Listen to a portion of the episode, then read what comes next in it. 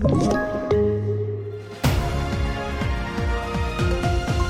Här är TV4-nyheterna som domineras av pandemin och vi börjar med att en genomgången covid-infektion verkar inte ge tillräckligt skydd mot den nya coronavarianten omikron. En ny brittisk studie som ännu inte är granskad av utomstående men som har tittat på över 200 000 personer visar att en tidigare covid-infektion endast ger 19% skydd mot omikron jämfört med ett skydd på närmare 85% för den tidigare deltavarianten.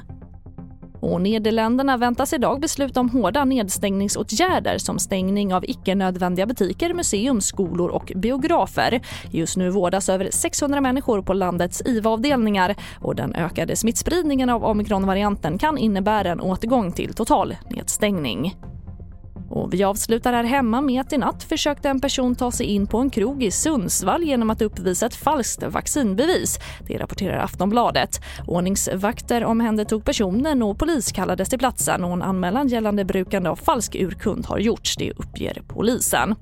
Och fler nyheter det hittar du på vår sajt tv4.se i studion Charlotte Hemgren.